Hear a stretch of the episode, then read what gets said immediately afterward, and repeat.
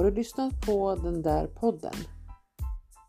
Det är den podden som du lyssnar på nu. Podden hette tidigare Toras tankar. Det är fortfarande jag som är Tora. Men podden har ett nytt namn. Så välkommen till den där podden.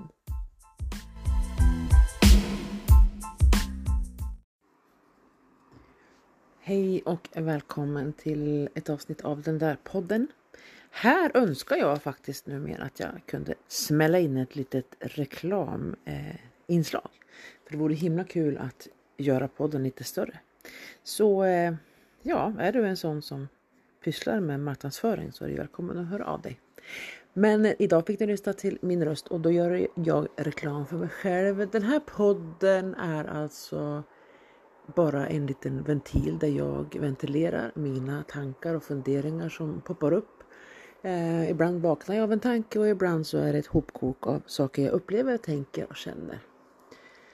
Det är ur mitt perspektiv ständigt. Det finns ingen allmän sanning i det jag säger. Utan det jag pratar om här är sant för mig, just här och just nu. Därför att livet förändras och då kan också våran syn på saker förändras. Och det inte bara kan förändras, det faktiskt också bör förändras. Därför att det vore väl bra skruvat om vi fick ny information men höll fast vid en gammal verklighet. Så därför tänker jag att den här podden kan du ta med en nypa salt. Men gillar du vad du hör, använd det precis hur du vill. Gillar du det inte, låt det bara vara. Men försök också att hantera dina egna tankar och idéer på exakt samma sätt som information runt omkring dig. Man ska nämligen inte tro på allt man tänker. Därför att ibland så fastnar vi i gamla spår baserat på gammal information även i oss själva. Och nog är det sant att jag är expert på mig och du är expert på dig. Men i utvecklingen till vår nästa nivå så kan det hända att någon annan har mer information om oss än vad vi själva har just nu. Så därför så kan det vara värt att både lyssna inåt och utåt. Men inom många områden så vet vi när vi känner och tänker efter vad vi själva behöver. Jag hör väldigt många människor prata om att de inte hinner göra saker och sånt. Och jag har pratat många gånger tror jag om det här vikten av att faktiskt vara lite egoistisk. Och med egoistisk så menar jag att sätta dig själv först. Egoism har ju blivit ett ganska fult ord, har väl varit väldigt, väldigt länge därför att det låter som för mig som att det är inbyggt när man säger att någon är egoistisk. Att de tänker på sig själv först på ett sätt som gör att det drabbar någon annan på något vis. När jag pratar egoism i dagens avsnitt så handlar det inte om andra överhuvudtaget utan vi förutsätter att de inte drabbas alls. Det handlar bara om en prioritering. Att sätta dig själv först. Att innan du överhuvudtaget funderar på att tillfredsställa någon annans önskningar eller behov så ska du tillfredsställa dina egna önskningar och behov. Och göra det du vill och behöver först. Det är nämligen så att när man gör så så spar man energi jämfört med att göra saker jag faktiskt inte egentligen vill. Men jag får också energi eftersom jag gör saker som jag vill. Så att det blir ju två plus där i energikontot. Vilket hjälper mig att faktiskt en annan dag när jag vill och känner att det är värt det för mig också kan engagera mig för andra människors skull.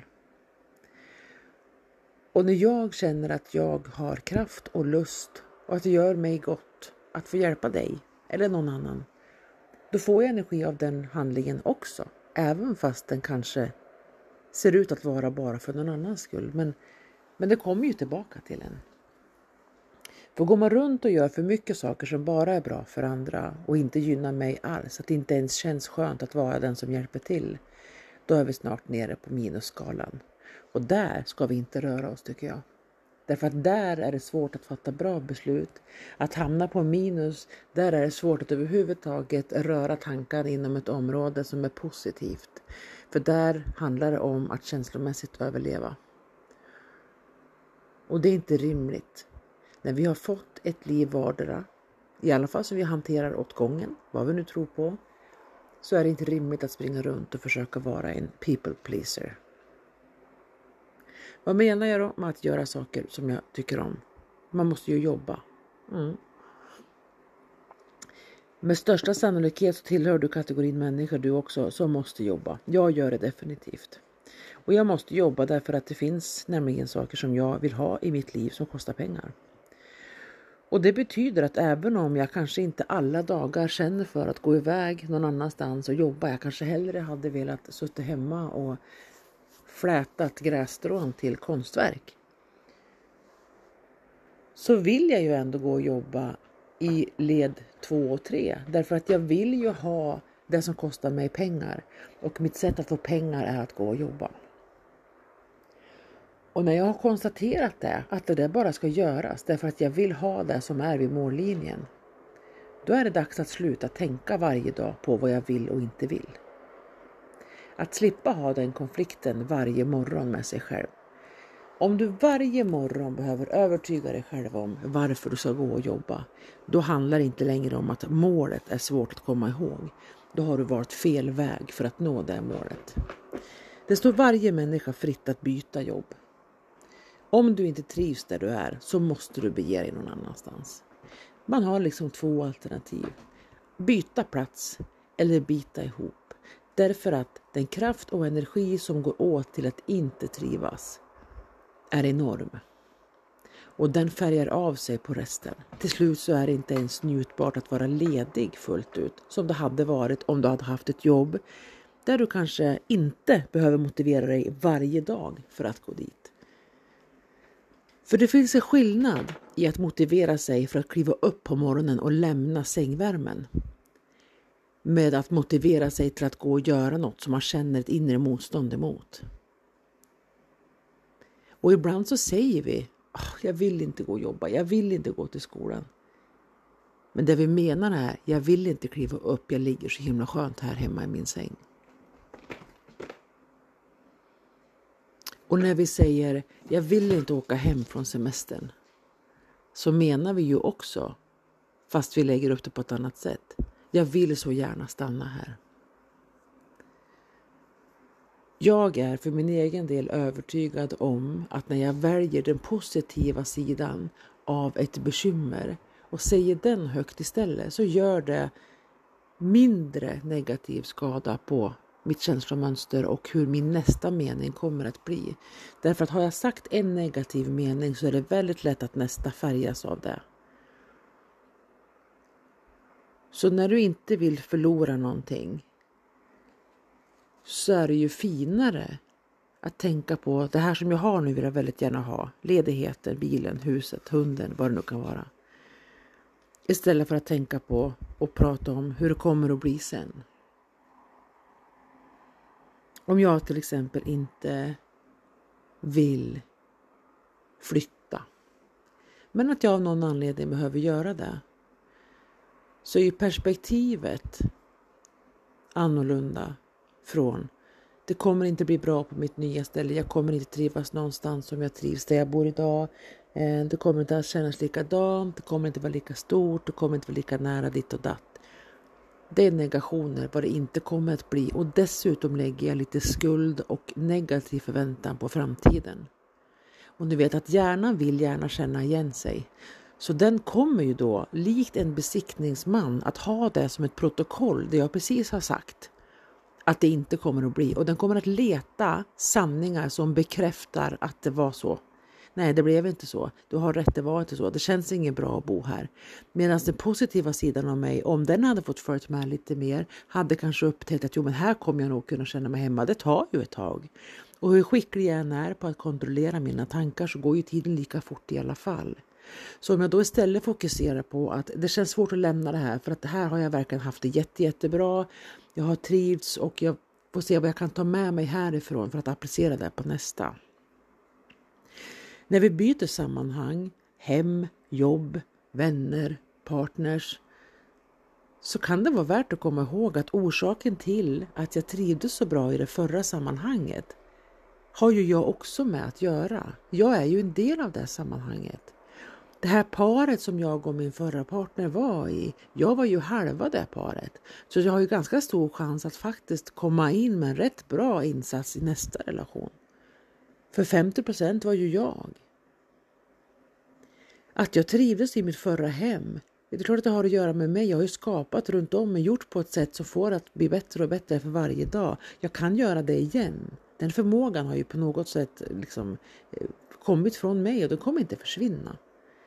Att börja ny på ett jobb och känna sig lite halv eh, Eh, inkompetent nästan för att jag inte har varit där förut. Jo, men jag har ju kunnat förut saker. Jag har ju lärt mig grejer förr. Jag har ju trivts förut och, och lyckats knyta nya kontakter.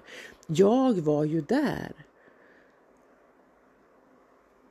Ofta räknar vi ganska enkelt de negativa sammanhangen. Frågar du en person om de någonsin har varit olyckligt kär så tror jag att de kan räkna upp alla de gångerna de har varit det. Men frågar du dem hur många positiva vänskapsrelationer de har haft i sitt liv så kommer de med stor sannolikhet att missa en del av det. Frågar du en person om du glömde göra någonting idag när du var på skolan eller jobbet så kommer de kanske säga ja, två grejer glömde jag bort att göra faktiskt, det var inget bra. Men ber dem räkna upp hur många saker de gjorde helt korrekt så kommer det att missas en hel del saker. Och det här är lite orättvist mot hjärnan. Och jag kan inte bevisa det här naturligtvis därför att om jag har en människa framför mig som har spenderat sin dag någonstans och berättar för mig att jag kommer ihåg allt bra jag har gjort idag och nu berättar jag det för dig så kan ju jag inte bevisa att den kommer ihåg allting. Den kan inte ens själv bevisa att den kommer ihåg allting. För att jag får ju information på 100% av vad den människan kommer ihåg. Så att det blir ju bara det här tomma Johari-fönstret kvar där. Något som varken jag eller den personen vet. Men som kan finnas i alla fall. Det rinner in mig lite grann känner jag. Men eftersom jag har ansvar för min dag och mitt liv så är det ju faktiskt värt att testa olika sätt för att få det att bli så bra som möjligt. Och genom att göra saker som är bra för mig innan jag gör någonting för någon annan så kommer jag närmare och närmare ett helt koppel av bra dagar efter varandra, ett helt koppel av bra minuter efter varandra. Och för mig har det gjort stor skillnad. Jag ska inte påstå att jag har haft någon traumatisk relation till sömn till exempel. Men jag är väldigt övertygad om att det faktum att jag avslutar varje kväll genom att liksom i mitt sinne, utomhus helst om det är möjligt, stänga ner dagen och försöka knyta ihop den säcken innan jag går och lägger mig. För att jag tänker att jag vill inte ha med den här dagen in i natten. Och jag har många bra dagar. De allra, allra, allra flesta är bra. Så att det handlar inte om det. Men att jag stänger den dagen och föreställer mig att jag går in i natten med ett helt tomt blad redan där. Och jag tar definitivt inte med mig idag in i imorgon därför att jag behöver fokusera på imorgon för att få ut så mycket som möjligt av den. Jag har en inställning om att dagen kommer för att ge mig någonting och jag tänker leta efter det som jag tror kan vara positivt för mig. Och det jag letar kommer jag att hitta mer av. Det jag tänker på kommer jag att fästa blicken vid. Om jag fokuserar på prästkragar imorgon så kommer jag att se fler prästkragar än om jag fokuserar på att se hundlort till exempel. Det kanske inte är min bästa metafor, men det var den som dök upp nu. Och för mig så har det här gett en massa bra nätters sömn. Jag sover som en mätt nybadad bebis. Nej, jag hoppar inte upp ur sängen varje morgon med ett glädjeskutt och känner ny dag, nya möjligheter. Jag är trött, jag vill ofta ligga kvar. Men det är en komplimang till mitt hem och min sovplats, att jag vill vara kvar där. Det handlar inte om att det är ett problem att kliva upp, det handlar om att det är så skönt att ligga kvar. Är med? Och det här gör också att jag kanske, jag kanske överdriver, men du vet att jag tjänar faktiskt på det, känner jag i energi. Att njuta av varje tugga mat. Att ta ett djupt andetag och säga högt hur skönt det är att faktiskt kunna sitta i solen. Eller att hitta de här delarna i min vardag hela tiden som är nice. Att gå runt och berömma mig själv, högt eller tyst för mig själv.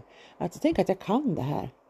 Nu är det här inget svårt, nu bara gör jag det här och saker blir mycket enklare för mig. Bra gjort av mig, tack ska jag ha. Med det här så följer ju också att man får en massa, massa fokus på sig själv. Och när jag fokuserar jättemycket på en sak, då har jag ju väldigt svårt att fokusera på andra saker. Vi vill ju gärna stanna kvar där vi har börjat liksom. Därför att hjärnan följer den trampade stigen och vill känna igen sig. Och det betyder också att det blir faktiskt enklare att strunta i sånt som inte har med mig att göra, som inte gynnar min lycka överhuvudtaget. Och saker kan ju gynna min lycka, men ansvaret för den, den är min. Ingen annan ansvarar för min lycka. Naturligtvis händer skit i allas liv. Så är det. Men om jag då tänker mig att jaha, nu hände ju det där och inte fokusera på varför eller vilka effekter det fick. Det hände bara. Nu är det som det är. Nyss var det inte så här. Nu är det så här. Alright. Move on. För att det kommer till svar någon anledning någon gång till varför det blev så. Jag kanske fick en paus.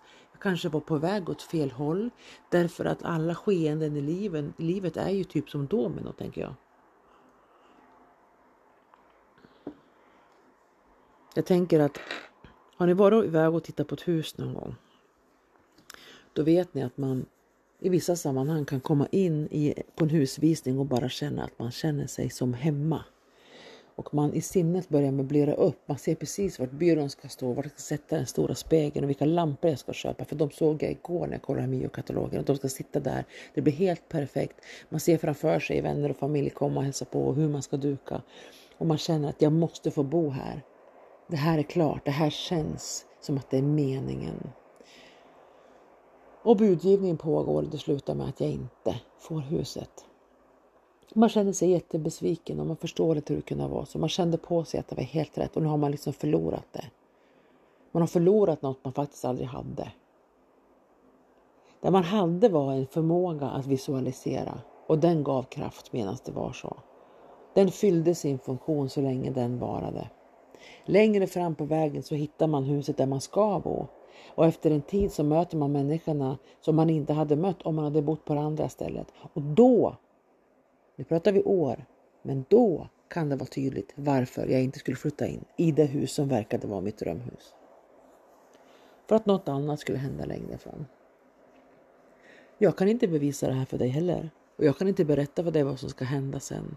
Men jag vet att om du har den inställningen så kommer vägen till den där händelsen att vara uthärdigare.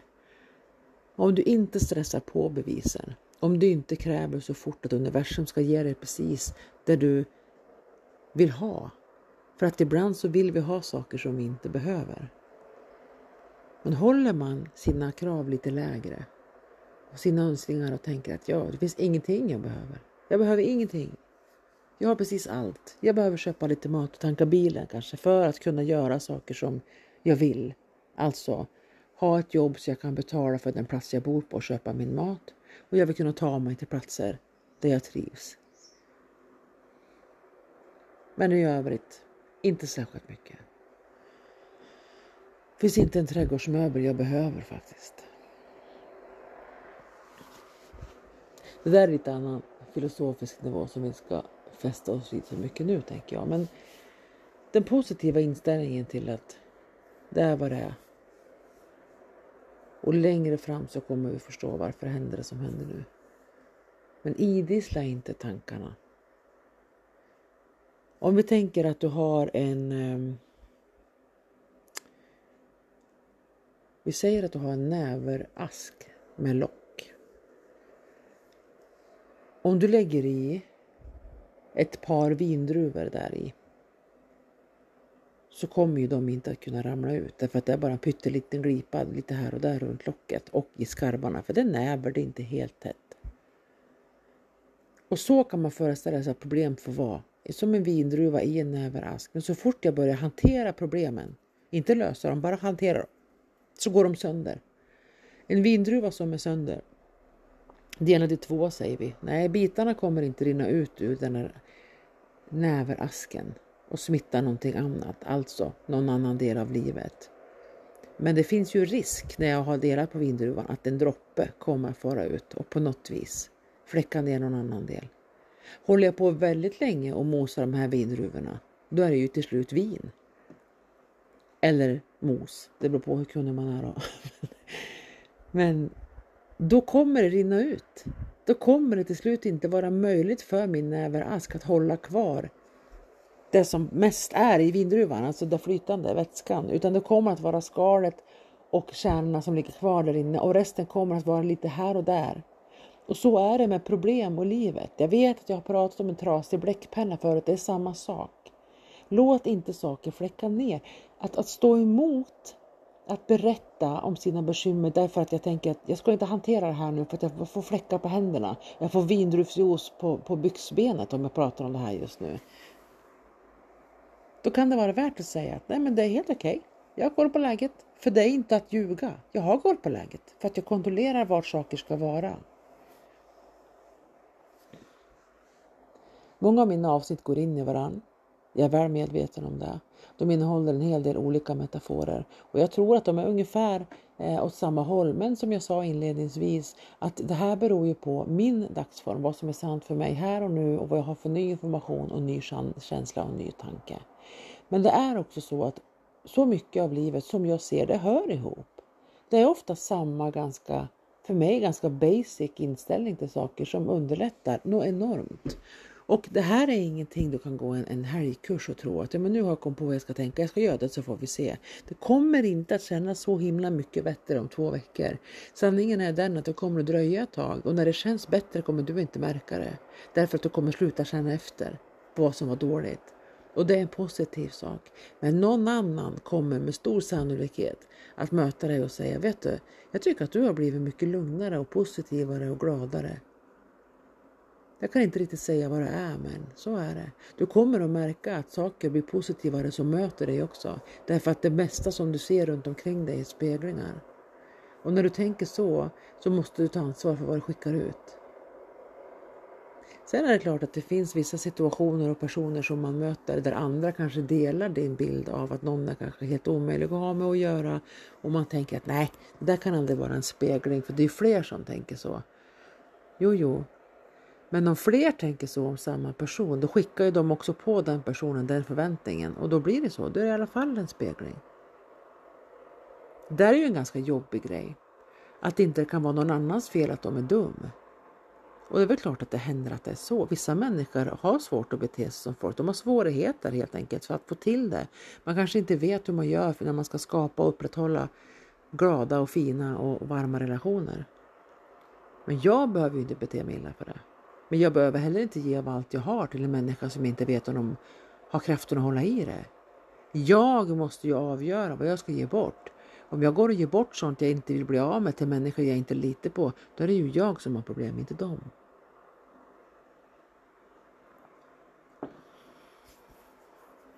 Jag tänker fortsätta dricka mitt kaffe. Jag hoppas att du har hittat någonting i den här podden som du gillar. Om du har lyssnat så här långt så skulle jag önska att om du gillar podden, dela gärna med dig, skvallra om mig för andra. Och om du inte gillar det här avsnittet, nej, då lyssnar du nog inte nu heller. Du har nog stängt av för länge sedan.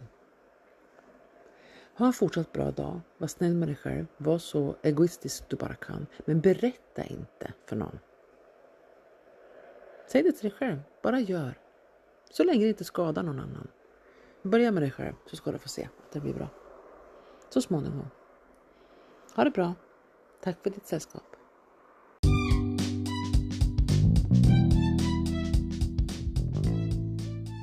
Tack för att du har lyssnat på ett avsnitt av Den där podden. Om du gillade det du hörde så är du välkommen att dela. Jag heter Tora och det här var mina tankar och det är högt och lågt. Så är det varje gång. Tack!